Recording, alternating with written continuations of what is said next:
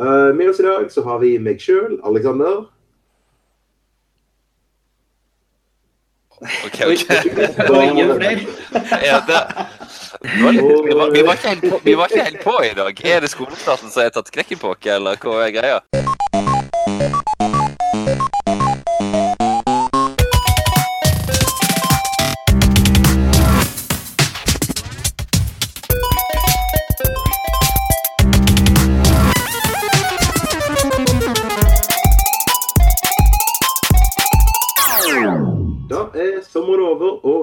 Ønsker velkommen til en ny episode av uh, Spillpedagogene, en podkast om spill og digital kultur.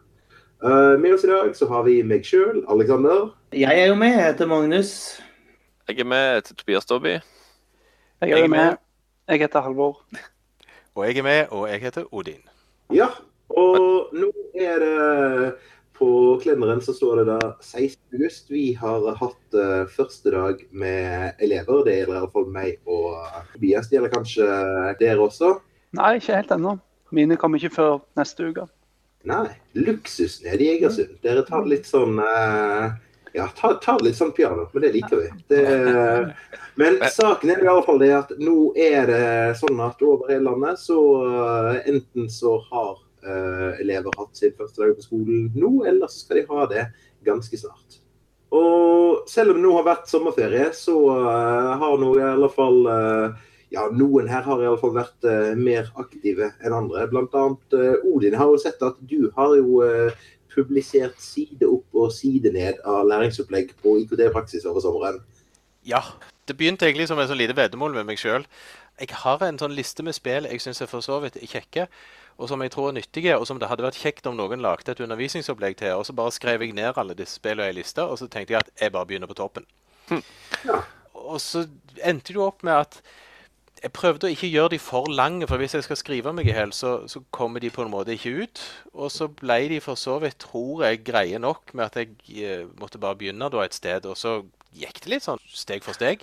Og, eh, og jeg er for så vidt fornøyd så langt. Det, det opplegget jeg er mest ikke sikker på, det var jo Inside. Uh, som, som, men det syns jeg er et så kult spill at det måtte bare ha et opplegg sånn at folk spiller det. Mm. Ja, Hva er Inside for noe, Odin? Nei, Inside, Vi har vel vært borti det før på podkasten for lenge siden, men det er jo oppfølgeren hvis du kan si det sånn, til de som lagde Limbo. Ja. Uh, så, som er jo rett og slett en eh, sidelangs eh, plattformscroller. Eh, en sånn hybrid 2D, 3D. Om en gutt som egentlig skal springe og springe og springe og springe og prøve egentlig å oppdage hva som skjer. Eh, og, og den fortellingen om denne gutten og det som skjer, er jo egentlig fra underlig til bisarr i et miljø som vel egentlig kan betraktes både som, som forstyrrende og vakkert på en gang. Og, og, og med det som utgangspunkt så, så, tenkte jeg at nei, vi måtte lage et opplegg som vi kan knytte til hvordan skal du rett og slett fortolke litt historie og få elevene til å lete etter detaljer i historien i et spill. Ja, spennende. Eh, For, for selve spillmekanikken er, er jo sånn enkel puzzle-basert eh, opplegg. Så, så det er kanskje ikke så mye å hente der som spill, men, men, men, men den estetiske verdien egentlig i spillet og, det, og den særs underlige fortellingen eh, har nok i seg til å kunne bli brukt til dette, syns jeg. Mm.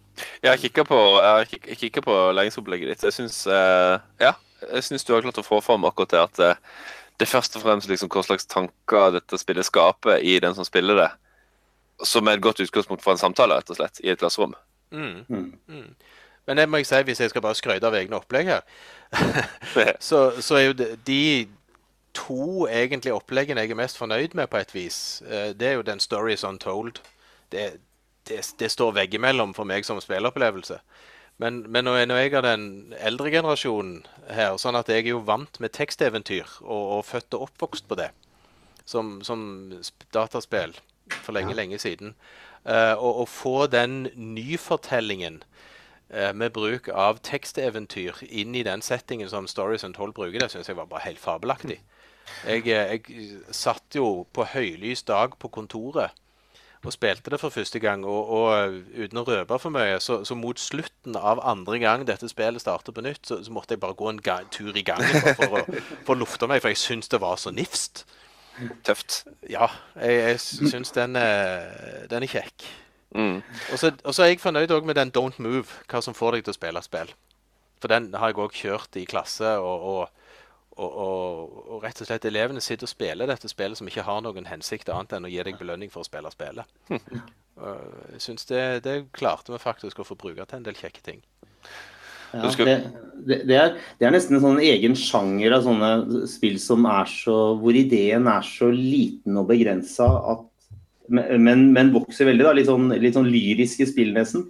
At, at det handler om veldig mye mer enn en tiden det tar å spille det.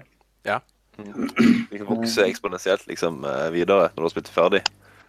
Mm. Ja, og så husker du det, for det, fordi det, er en, det er jo en spesiell opplevelse. Jeg hadde jo én elev har jeg hatt som har spilt helt igjennom det. Og, og der jeg jo da spurte hvorfor han gjorde det, og han ville se hva som skjedde helt til slutt. Det var liksom en sånn en Og til de da som prøvespiller, så oppdager du at det er jo en spesiell motivasjon å finne ut hvordan det spillet egentlig slutter. Du vet at alle vi andre, du, Når du er såpass eh, produktiv over en så kort periode, så får vi alle vi andre kjempedårlig samvittighet for at vi ikke gjør det. Ekstremt dårlig samvittighet. ja. Ja, det, det er jo vitsen òg. Men, men jeg kan si, hensikten med det, bortsett fra at det ble et slags eh, bare sånn få det til å få kommet meg gjennom lista Og jeg er jo ikke ferdig med lista, men nå, har- nå har jo skolen begynt igjen, så, så, så det er litt mer å gå tar litt mer tid. Eh, Ja, hva, men, hva men er de neste spillene på listen, Odin? Bare sånn at uh... ja, hva var det jeg skrev? Jeg har jo Gorogoa. som Å, det er fint. ja, det er så pent. Og jeg, jeg vet egentlig ikke helt hva jeg skal bruke det til i undervisning. Men, men det er ofte sånn jeg begynner. Jeg tenker at dette spillet er så bra at det må kunne brukes til noe. Skal vi fortelle litt hva det er for noe? For de som ikke har spilt det. Ja, jeg, jeg, kan ikke du, Halvor? Du har gitt noen fine Jo. beskrivelser av det før. Altså, dette, dette her er, det er et spill som kom ut i 2017. Det er debutspillet til en kar som heter Jason Roberts. Og jeg, jeg tenkte litt når jeg spilte det, tenkte litt i samme gate som deg, at hva i alle dager skal jeg bruke det, dette her til i, i undervisningen? Men jeg tenkte sånn, det må jo være en eller annen driftig design- og håndverklærer der ute som kan, kan snakke om perspektiver og sånt når du, når du spiller dette. Poenget med, eller det, Spillet er bygd opp sånn at du har fire paneler. Og så må du flytte rundt på ting, bevege deg fram og tilbake og zoome inn og ut i disse panelene for å skape en historie. Og Noen ganger må du flytte panelene, og så skjer det ting. Og Det blir nesten litt vanskelig å forklare. Jeg prøvde å forklare det for meg sjøl her om dagen, og da fant jeg ut at det var som å spille et levende kunstverk. Mm. Så Ja, um, ja. Folk som er litt dyktigere på den kunstbiten av det, kan sikkert bruke det der til noe fornuftig. ja, Jeg har ikke vært borti Gorgoa, men altså, fra hva du beskriver nå, så får jeg litt sånn Monument Valley-følelser. Ja. På riktig Ja, men det, er- det er? Det er noe- Ja, Magnus, kjør på. Ja, nei, jeg, jeg, jeg skulle sikkert si det samme som deg. At det er ikke en dum beskrivelse. For noe av poenget er jo, er jo at dette er eh, du, du drar og flytter på ting, og da endrer perspektivet seg. Og da skjer det jo sånne ting som er litt, litt absurde. da. Som ikke kan En, en, ting jeg, en sammenligning som slo meg nå, var den der the, the, the Room. Er det noen som husker det? Det er et litt gammelt spill som handler om en sånn kinesisk boks. Og noe av det morsomme Med veldig mange rare låser og koder og ting og tang. Og noe av det morsomme jeg husker om det, var at eh, det var en entusiast som bygde hele boksen. Og den ble jo kjempestor, for det skulle så mye eh, Utrolig mange mekaniske duppeditter inn der for å, for å åpne alle de hundrevis av små låsene og tingene. Men det kunne ikke gått an med Gorogoa. For det er jo egentlig Det er jo en absurd altså det, det er, De tuller med 2D og 3D og sånt, og, og gjør ting som fungerer akkurat der og da, i det perspektivet du har, og så ikke etterpå. Mm. Og så er det ut- synes jeg utrolig stilig hvordan de leker med mønster, mønstre, og, og hvordan du må være flink til mønstergjenkjenning i forskjellige altså Det som er, kan være liksom bare en skulptur av hva det blir til vann på ordentlig, eller et eller annet sånt. Mm. Sånn. Og, og da, da toucher vi inne på noe som, som Nå skal jeg dra for så vidt den, en sånn ting jeg skal gjøre senere i høst, i forhold til dette med VR og AR i undervisning i skole. For, for som du for så vidt sa, Halvor, Gorogoa er, er jo sånn et levende kunstverk. Det er, en- det er en veldig visuell ting. Og, og når vi nå sitter her og skal prøve å forklare det med ord og lyd, så funker det liksom ikke. Uh, og, og, og jeg tenker at det er en sånn ting som jeg har oppdaget at skole er veldig verbal. Altså, eh, Hvis det ikke lar seg beskrive med ord, så, så sliter vi med å finne verdien i det i norsk skole. Og, og en, et sånt et spill som er en ren visuell perle, for så vidt, og, og, og lar seg ikke beskrive eller gjennomføre uten å være visuell. Mm. Eh, ligner jo òg litt på, da, på en måte å finne verdien av VR som òg en ren visuell opplevelse. Altså, VR har jo ingen verdi hvis du lukker øynene. Mm. Eh, og, og, og dermed så forteller det på en måte noe om hele grunnlaget for, for VR. Og det samme ligner jo litt på Gorogoa, som er en sånn ren visuell sak. Mm. Og, og, noen av de tingene jeg opplevde kan være av og til vanskelig å oversette til, til sånne gode, godt festa mål i læreplan og sånne ting. For læreplan er veldig deskriptiv, og, og da ender vi opp med ord. Men, men ja, noe i kunst og håndverk, eller, eller rett og slett det med å kunne forstå historier som blir jo da fortalt visuelt Mm. i, i denne settingen. Det er noe i den vinkelen jeg, jeg må prøve meg å nærme meg det. Men ellers den andre spillet som jeg har nesten skrevet ferdig nå, og som jeg tenker skal få publisert om en liten stund, det er et spill fra 1986.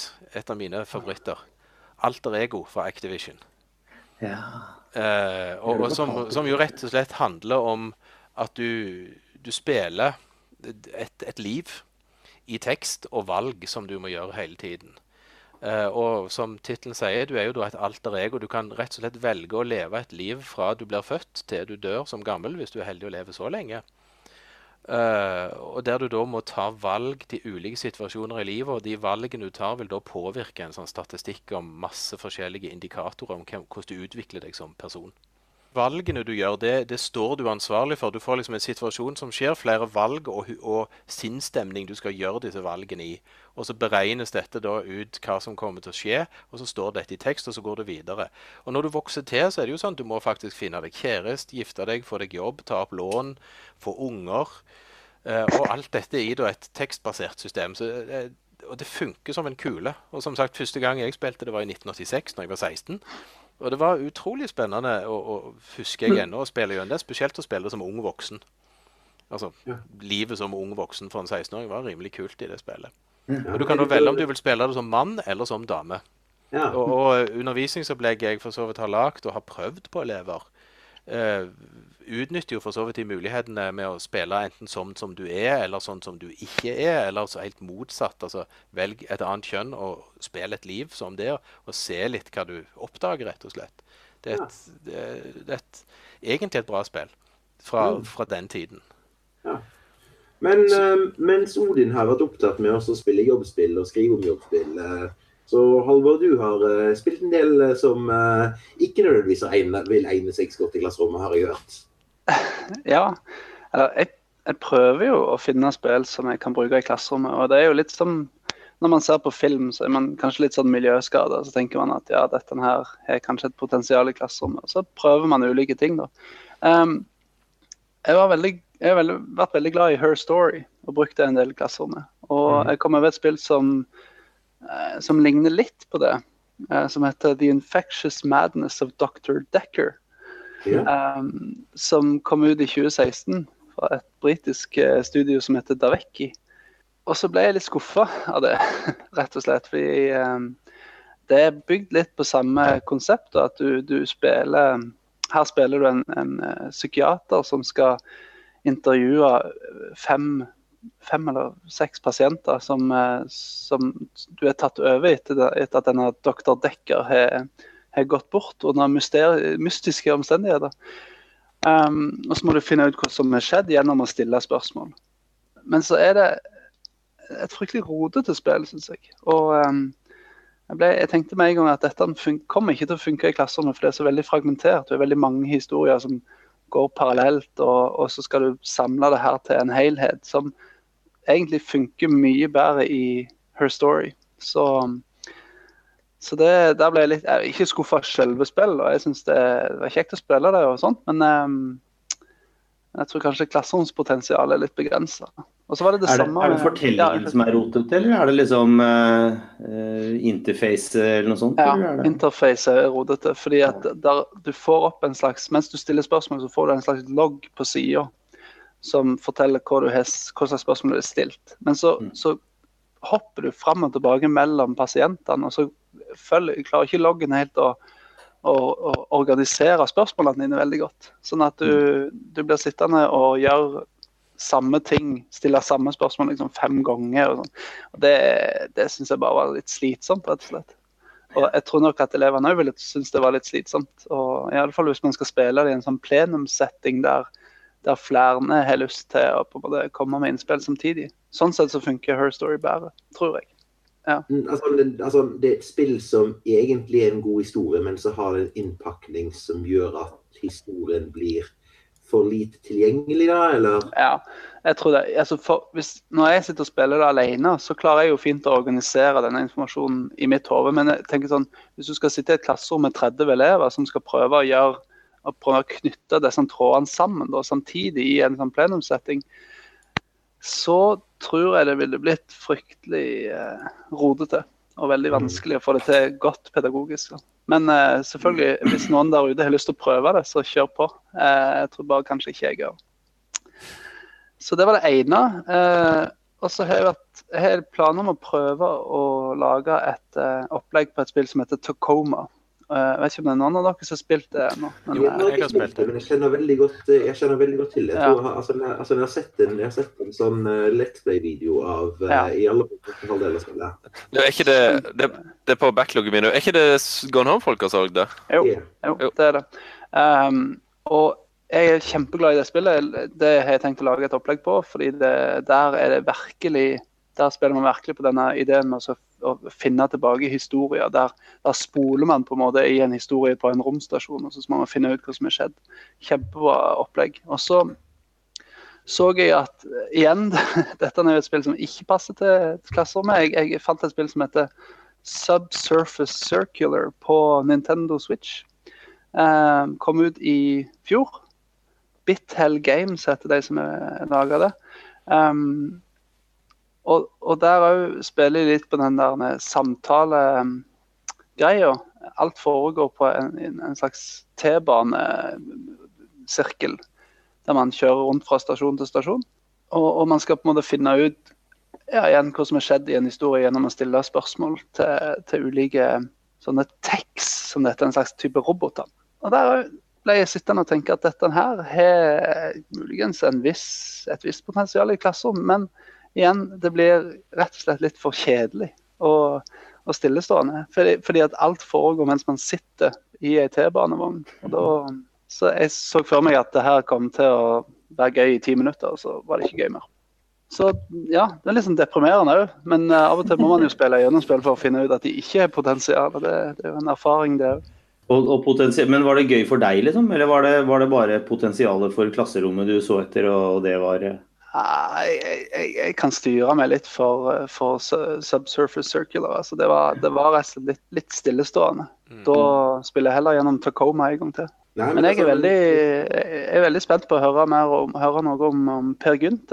Hvis jeg kan eh, eh, ta over jobben din litt, Aleksander. Ja. Eller dra det videre. Ja, det, det var bare Altså, Per Gynt ja, Jeg kom, kommer for, for et par dager siden fra, fra Gålå, hvor det er Per Gynt-spelet, eller Per, Per Gynt-dagene, pågår i, i to uker hver Eller knappe to uker hver, hver august. Så der har jeg holdt en liten workshop for lærere om spill, spill og læring, og, og gitt litt eksempler og snakka litt fra, fra bånn, bygd opp fra bånn, sånn som vi vi vi som er godt kjent med det, gjør hver gang vi snakker med folk som ikke er så godt kjent med det. Så det er nå én ting, men så, har vi, så er det jo også um, arbeid med det Per Gynt-spillet, som, som begynner Altså som nå er testa i skolen for første gang. Oi, oi. Men i en sånn demo, ikke sant. Det er, ikke, det er langt fra ferdig. Men, men det er veldig spennende å, å ha, å ha å, for- meg å være med å lage et spill det er jo utrolig morsomt å følge den prosessen. Og det å få feedback for første gang, det er eh, fra, fra brukergruppa. Det er ganske interessant. Og i lys av det du forteller om, eh, Halvard, spill som ikke passer i klasserommet, så er jo Per Gynt et tema som fort kan bli et spill som ikke får helt statusen av spill, kan du si, da. Eh, når man røkler med elever. Så den første feedbacken vi fikk fra elever, var at det var altfor mye prating. Altfor mye tekst.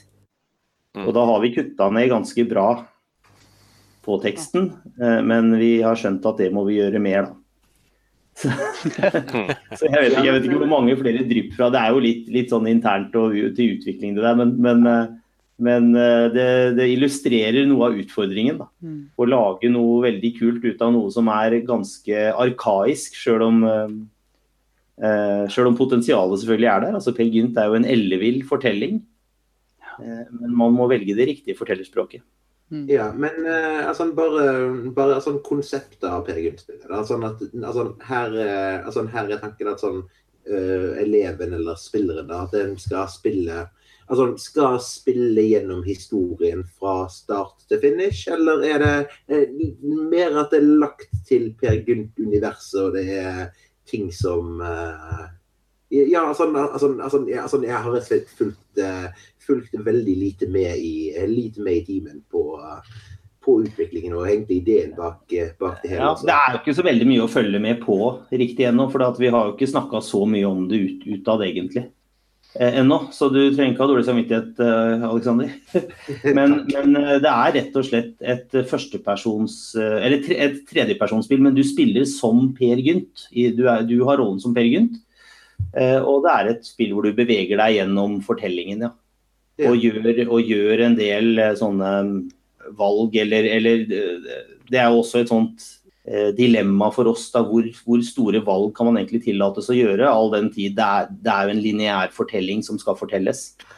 Ikke sant? Men, Så, men det er ment å, det er ment å være helt tro opp mot originale tekstmateriale, liksom? Eller? Ja. Ja, altså ikke, ikke, nødvendigvis helt tro, men, men, men det, er jo, det, er jo, teksten som ligger til grunn, og det er den vi spiller gjennom. Så det er ikke, sånt, det er ikke en åpen verden i, som er liksom uh, Gudbrandsdalen på 1800-tallet. Altså. Det ville liksom blitt et litt annet spill. Mm. Så, men man kunne gjort mange valg som så, altså, Det ble valgt veldig tidlig at det skulle dreie seg om å spille Per Gynt, og man kunne jo fint ha spilt noen andre eksempel. Eller man kunne ikke ha spilt én person. Men man kunne? Vi, vi, med de spillene vi har nevnt bare til nå, i dette, bare i dette ene programmet, så har vi helt sikkert uh, hatt, uh, hatt spill hvor man har hatt rollen som mange ulike ting. Ikke bare personer, og ikke bare én person. Mm. Ikke sant? Er det er liksom uh, Telltale-modellen dere går for, de går for, går for eller hva? Ja, det, er, det er nok Telltale-inspirert. Ja. Det er det nok. Samtidig som, samtidig som det, det, man kan jo da ikke gjøre valg som påvirker historien veldig mye. Fordi den skal gå i en retning. Men det man kan gjøre når det er et eksplisitt læringsspill, det er jo at, at de valgene man gjør, de kan danne grunnlag for en form for profil, eller en form for altså noe man tar med seg til klasserommet og sier at det er min lesning av Per Gynt. Mm. Ikke sant? De, de, valgene jeg har gjort, de sier noe om hva jeg tror Per må ha tenkt. Ikke sant? Hvordan jeg forstår den, den situasjonen som oppsto. Mm. Så det er veldig spennende. Men, men, det er også sånn in the making. Men det er litt i den retningen det, det beveger seg nå, da. Um, og så har, vi, så har vi på dette seminaret på Gålå for første gang så har lærere også fra ulike deler av landet spilt en sånn demo og fått gitt litt feedback om syns, synsa og mena litt om det. Så, så det også er en sånn morsom eh, ting at det begynner å åpnes opp litt. Selv om ikke, vi for så vidt ikke har vist noe offentlig, så, så har vi liksom in, involvert flere mennesker da, i å, å se hva, hvilke ideer som ligger på bordet og hvordan det ser ut i første versjon. Da er jeg nysgjerrig. Fortell sitt, Er, det de Spriker elevinntrykkene og lærerinntrykkene veldig? Eller forteller de samme historier? Nei, ja, de forteller, altså de, den, den lærergruppa som spilte det, fortalte egentlig langt vei samme historie. De kjenner sine elever ganske godt. Mm. Og, og de, visste, de, de, visste, hvordan elevene ville reagere, og, og, sa egentlig uten at de visste hvordan uh, forsøket med elevene hadde gått, så sa de egentlig mye av det samme. Ok, Det er det er trygghet òg, som en, når man gjør en test, at man får fra, fra uavhengige flere uavhengige, så får man omtrent den samme feedbacken, og da skjønner man at, at dette er noe vi må, mm. vi må ta på alvor. Så, ja. Ja, så hva er, hva er tidslinjen nå? Når uh, har dere noen uh, Dette kommer til å være uh, Eller sånn, det er et ferdig produkt som blir publisert på X dato, eller? Nei, de sier, nå, nå sier de i løpet av 2019. Tidligere så sa de i løpet av altså våren type fram, til neste skoleår, da. Ja. Nå sier man i løpet av 2019. Eh, og som bare som spiller, som forholder meg til andre spillselskapers utgivelser, så vet jeg jo at sånne datoer kan skyves i måneder og år. Ja, ja. så, så vi får se. Men jeg, jeg skal jo gjøre ferdig et forskningsarbeid på det, så jeg håper at det ikke tar så veldig lang tid. det var det. Men, men eh, sånne norske spill Jeg har jo prøvd å spille gjennom den der Lebensborn og jo omtrent kjeda meg i hjel underveis. Men rett før vi starta podkasten, så forsto jeg du, Alexander, du har jo syntes det var gøy. ja vel nå, Ja, gøy eh, er feil ord. Gøy er feil ord. Men ja, eh, med, eh, med et spill som Lebensborn, så er det ikke gøy. Uh. Men um, altså, eh, eh, altså du, kan, du kan jo si litt først eh, Hvorfor var det du skjedde deg når du spilte det, Odin? Og så Altså, jeg- jeg, jeg, eh, så jo at vi, men Det er jo egentlig sånn fram og tilbake. Lebensborn, kjekt spill, dette skal være norsk. det er et sånt. Og så har jeg lasta det ned s- på mobilen og begynte å trykke i vei. Og jeg gikk lei av å stelle den ungen. Altså, Det var den ene delen av det. Det, det ble litt sånn ah, Trykk der, trykk der, gjør det, gjør det. Ah, det dette er ikke et kjekt spill. Uh, og trykk der og trykk der. Og så ble det litt sånn, og så lukter jeg jo lunta med at det, dette kommer til å gå galt. Mhm. Veldig galt. Uh, ungen kommer til å ha det grusomt. Uh, og, og litt sånn litt på den veien der, så, så ble det litt sånn Nei, dette var ikke spennende nok. Jeg, jeg vet hvordan dette kommer til å gå, og jeg syns det er kjedelig når jeg holder på. Og så stoppet jeg å spille det. For det var andre spill jeg heller hadde lyst til å spille.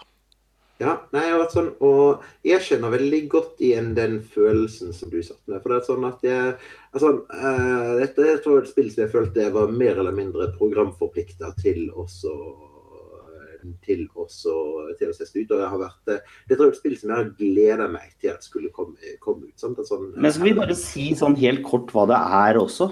Jo, det, det kan vi så vidt gjøre. Sånn, altså, Levensborn det er et uh, mobilspill. Det kom vel ut i uh, slutten, av, uh, slutten av mai. Det er laget av noen eh, norske utviklere. Og det som er konseptet i spillet, det er at du spiller som en eh, fostermor eller fosterfar for et barn som snart skal begynne på første klasse i Norge i etterkrigstiden. Og dette barnet det er jo det er da barn av en, av en eh, tysk soldat og en eh, norsk mor som da har eh, forlatt dette barnet og overlatt det da til, til denne fostermoren, som er da min rolle eh, i spillet. Det som var min utfordring med spillet til å starte med, det, er akkurat, akkurat samme som, uh, som du var inne på, inne på Oden. Det er en del aspekter ved dette spillet som er ganske, som er ganske kjedelig. Og spillmekanisk så uh, minner det egentlig mer om et, uh, mer om et spill som sikter inn mot uh, min yngste datter. Uh, min, min yngste, yngste datter. Min yngste datter er da fire år. Altså, av disse type dress up games. Jeg vet ikke om dere kjenner til altså, disse eh, altså, glansbildedukker eh, som man da kan ta på forskjellige, forskjellige antrekk og litt, eh, og litt sånne ting. Og man kan vaske de, man kan klippe håret på de og litt sånn. Men det som jeg da merket etter å ha ja, eh, kjøpt inn 40 minuttene med relativt eh, traust og tafatt, eh, traust og tafatt gameplay, det er sånn at disse her enkle og repetitive handlingene som, som jeg gjorde, det å eh, skulle lage mat til den, der, eh, til den der guttungen, altså han og bade han på, han på, på fisketur og sånne ting. Altså Etter 15. og 6. spilldagen av disse samhandlingene, så var det noe ved dette taktil å skulle vaske ansiktet på denne her skitne gutten etter at uh, han for uh, tredje gang er blitt kasta i søla av bøllene på skolen. Hvor, hvor det vokser fram da en slags emosjonell tilknytning mellom meg og denne her kiden. Altså, altså, hvor er det genuint følte at jeg har et ansvar for at denne gutten skal føle det For at denne gutten skal ha det bra.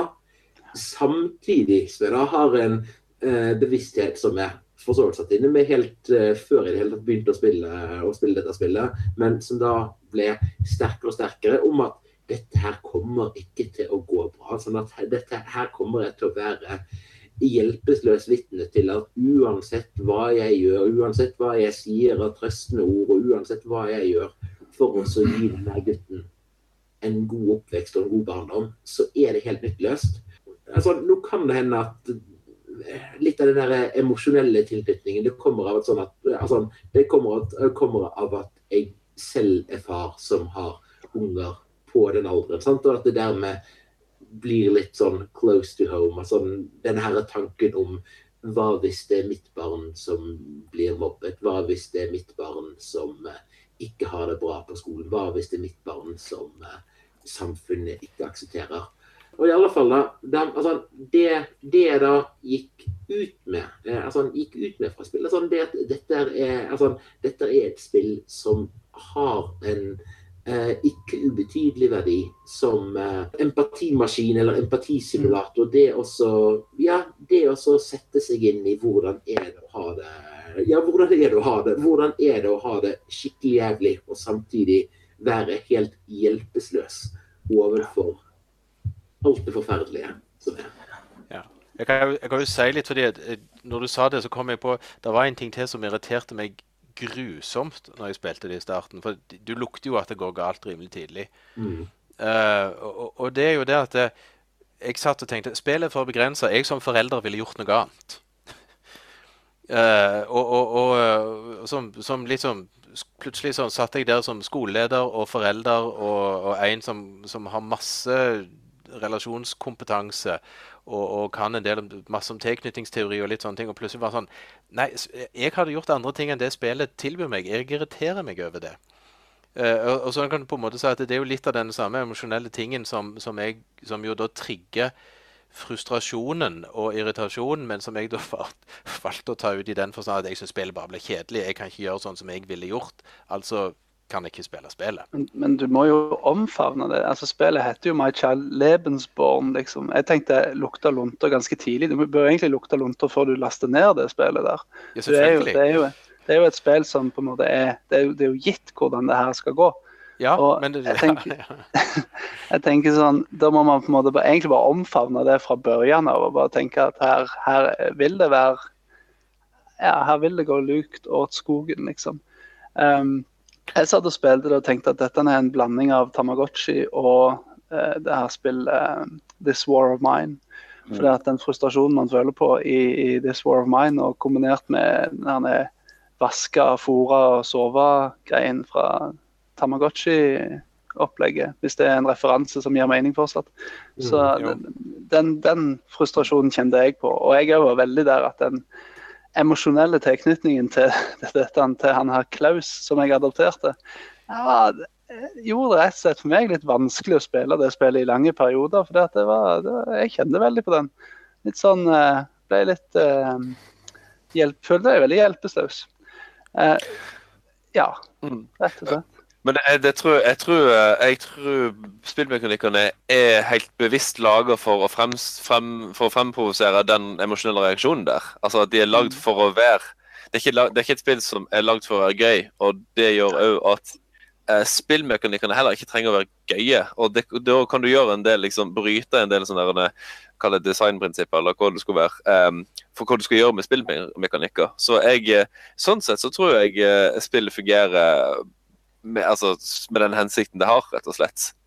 Um, det ville jo fungert mot sin hensikt hvis spillmekanikken var veldig gøy. Nettopp. Så, så det, og det er jo og det er jo ganske interessant å se hvordan spillmekanikker eh, brukes. Vi ser flere eksempler på at spillmekanikker brukes på å eh, til noe annet enn å fremprovosere andre følelser enn det vi vanligvis eh, forbinder med spill, som er en følelse av liksom, eh, glede og underholdning og, og sånne ting. Uh, det, er jo, det, er jo, det er jo masse spill som, som har det, hvor, hvor, utfallet egentlig er gitt. Mm. Jeg tenker på, altså Per Gynt-spillet som vi nettopp snakka om, er jo, er jo, litt sånn nå, selv om det er ikke emosjonelt det samme. Men, men man, vi kan liksom ikke gjøre annet enn å fortelle historien, men vi må gjøre det på en interessant måte. Um, og så tenkte jeg på det derre spent også, eller den typen politiske spill da, som skal mm. vise en, en samfunnsmekanikk det kan jo ikke tillate deg å bryte med det de ønsker å vise.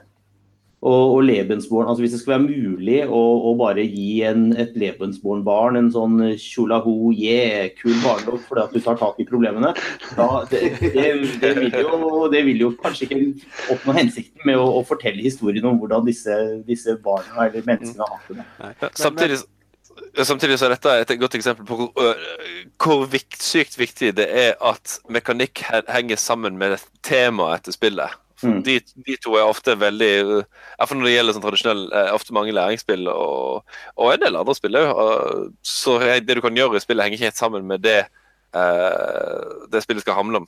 Uh, Ludonarrativ dissonans tror jeg vel er liksom populære termen på det. Mm. Det er et lignende spill, men det går an å gjøre på en annen måte. Har dere spilt igjennom Stories Untold, noen?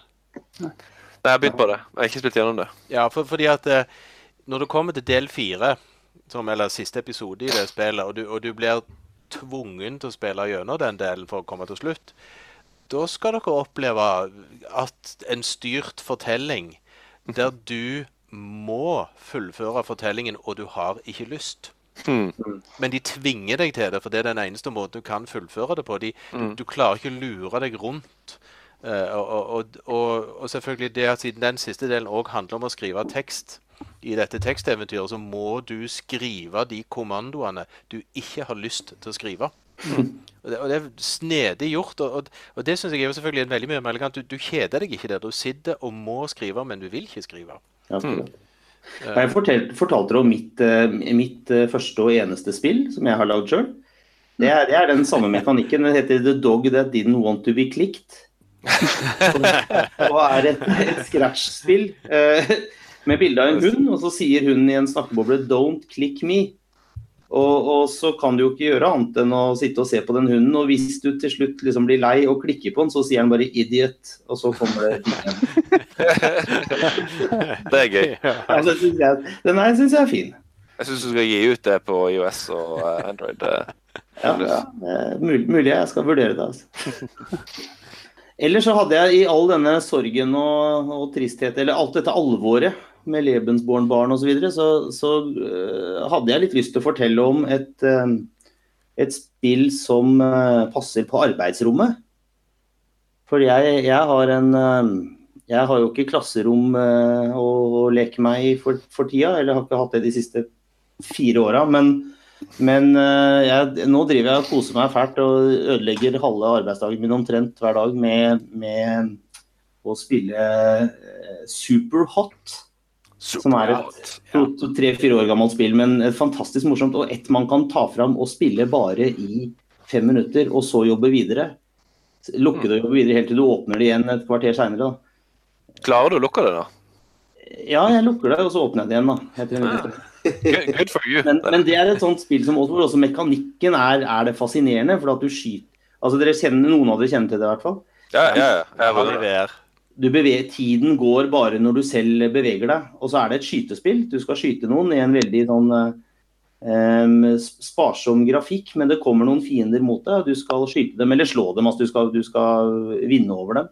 Men, eh, men når du stopper, så stopper også eh, tiden og alt, inkludert kuler som flyr i lufta. Og det gir deg mulighet til å tenke. Da, så, og- det, det liksom, den mekanikken gjør, skaper et veldig catchy spill. Da. Det er egentlig et puzzlespill formet som en first person shooter. Ja, det er egentlig det. Mm. Men med veldig åpen altså Du kan, du kan løse det på mange måter. Da. Ja, ja. Ja. Et veldig bra, så det, veldig bra puzzlespill av det. Ja, Men, eh, ja, nettopp. Og en fin refleksjon over hva mekanikk betyr. Ja. For det, ja, mekanikken er egentlig hele spillet. Altså. Mm. Men det syns jeg det er en fin sånn ting for alle som har masse tid på, eh, på eh, arbeidsrommet sitt. Og, Det er godt å høre hvordan stipendiatlivet er. ja, sånn er det. Du Gleder inn en veldig behagelig tilværelse du fremover. eh. Ja, sånn er de første, første to åra, tror jeg kanskje. Før det strammer seg til. Vi får se hvor lenge vi greier det. Sånn det. Ja, jeg og Alexander har jo jeg har tatt noen sidequests, eh, om vi kan kalle det det, nå før sommeren. Der vi har vært eh, var, eh, tekstkonsulenter på et eh, lærer, pedagogisk brettspill om eh, personlig økonomi. Og så har vi lagd et eh, nokså mangfoldig opplegg, om vi får lov å si det sjøl, Alex, om, eh, Sim, med Sims 4 for eh, eh, ja, litt forskjellige fag.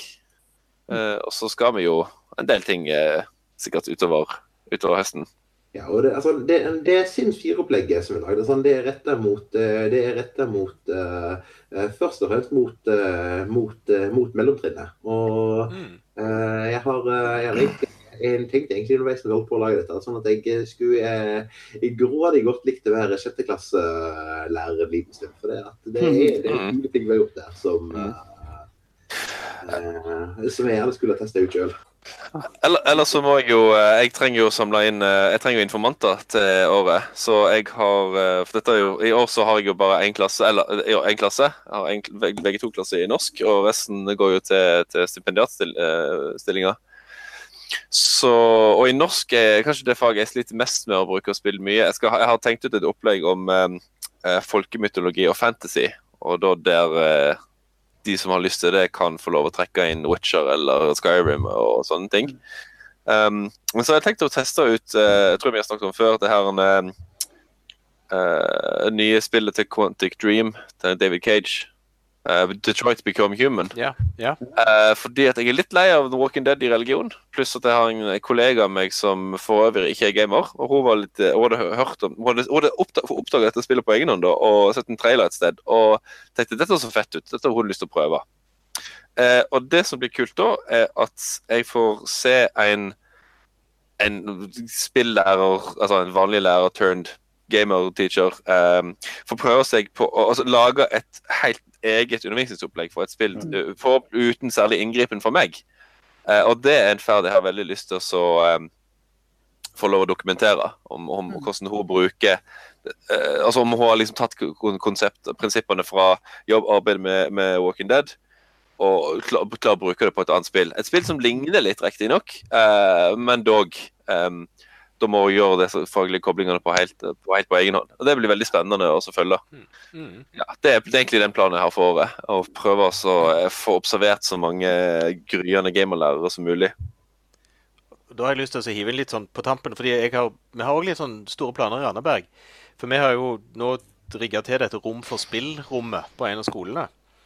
Med masse spillmaskiner og VR og PlayStation, litt sånne ting. Og i går, var det vel, så holdt vi kurs i forbindelse med planleggingsdagene for lærerne om eh, bruk av læring, læringsbasert spilling for barnehage og første til fjerde klasse. Ja. Uh, og vi hadde ikke sånn verdens beste tid. Det var 45 minutter pluss en del diskusjon og sånn. Så det skulle være rom for diskusjon og samtale etterpå.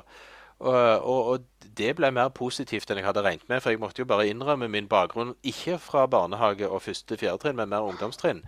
Og, og snakket jo mer om, om de, som for så vidt du, Magnus, sa, det vi vet fungerer, og hvordan vi kan nærme oss bruk av spill i i undervisning for folk som ikke er så vant med det. Og det ble utrolig god stemning.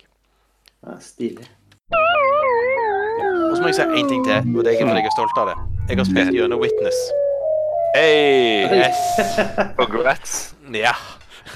Hva Det tenkte var- du om den? Var det verdt Eh, jeg, det, jeg liker jo, det er veldig pent. Jeg liker det visuelle i det. Jeg synes det, det, det er et utrolig vakkert spill. Og, og de gåtene som du og sånn sett, disse puzzlene du skal løse hele tiden, som jo blir vanskeligere og vanskeligere, og vanskeligere, og gjør at du drømmer litt om de til slutt. De, ja, altså de blir jo mer sånn at jeg har lyst til å løse de. Det, jeg, spillet blir litt mindre spennende, men, men jeg klarer ikke å la være å ha lyst til å løse disse gåtene. Litt etter hvert som de kommer. Og slutten var jeg litt skuffa over, for jeg hadde trodd det skulle skje mer. Eh, men så fant jeg ut den egentlige slutten av spillet. Den fant jeg etterpå. Så dere som har spilt i øvrig og ikke funnet den egentlige slutten, dere kan spørre meg pent hvis dere vil. For den egentlige slutten, den er ordentlig sær og veldig bra. Fant du den i spillet? Den egentlige slutten? Ja. Ja. Og han er helt i starten av spillet. Du trenger ikke ha spilt gjennom for å komme til den engang. What? Nemlig. Er å snu Det var seg i den gangen du begynner. Nei da, nei da. Du, du står og ser på han faktisk på relativt tidlig i spillet. Et, Spennende. Et, et minutt ut i spillet, eller noe sånt. Hmm.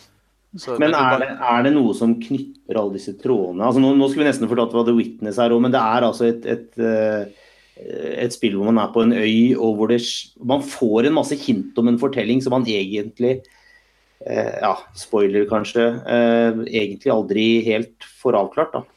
Nei, altså du, du får jo ikke avklart fortellingen helt som sådan.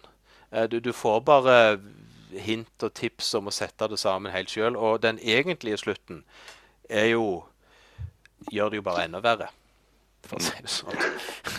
Kanskje, Så- kanskje, kanskje må runde The Witness. Uh, Ja, altså Det som er litt trikset, er at du klarer ikke Du skjønner ikke at du ser den egentlige avslutningen rett opp av dage før du har spilt gjennom spillet, faktisk. Det, det er litt kult. Du, du står og ser på løsningen, men du, eller du Begynte du på nytt for å, se, for å oppdage den? Ja, når du, når du fullfører spillet, så, så uten at det røper egentlig noe, så flyr du på en måte gjennom hele verdenen, og så går alle puslene tilbake igjen til null, og så begynner du på begynnelsen igjen. Ja, ja, det stemmer. Ja, Og så Men spiller du videre da, liksom?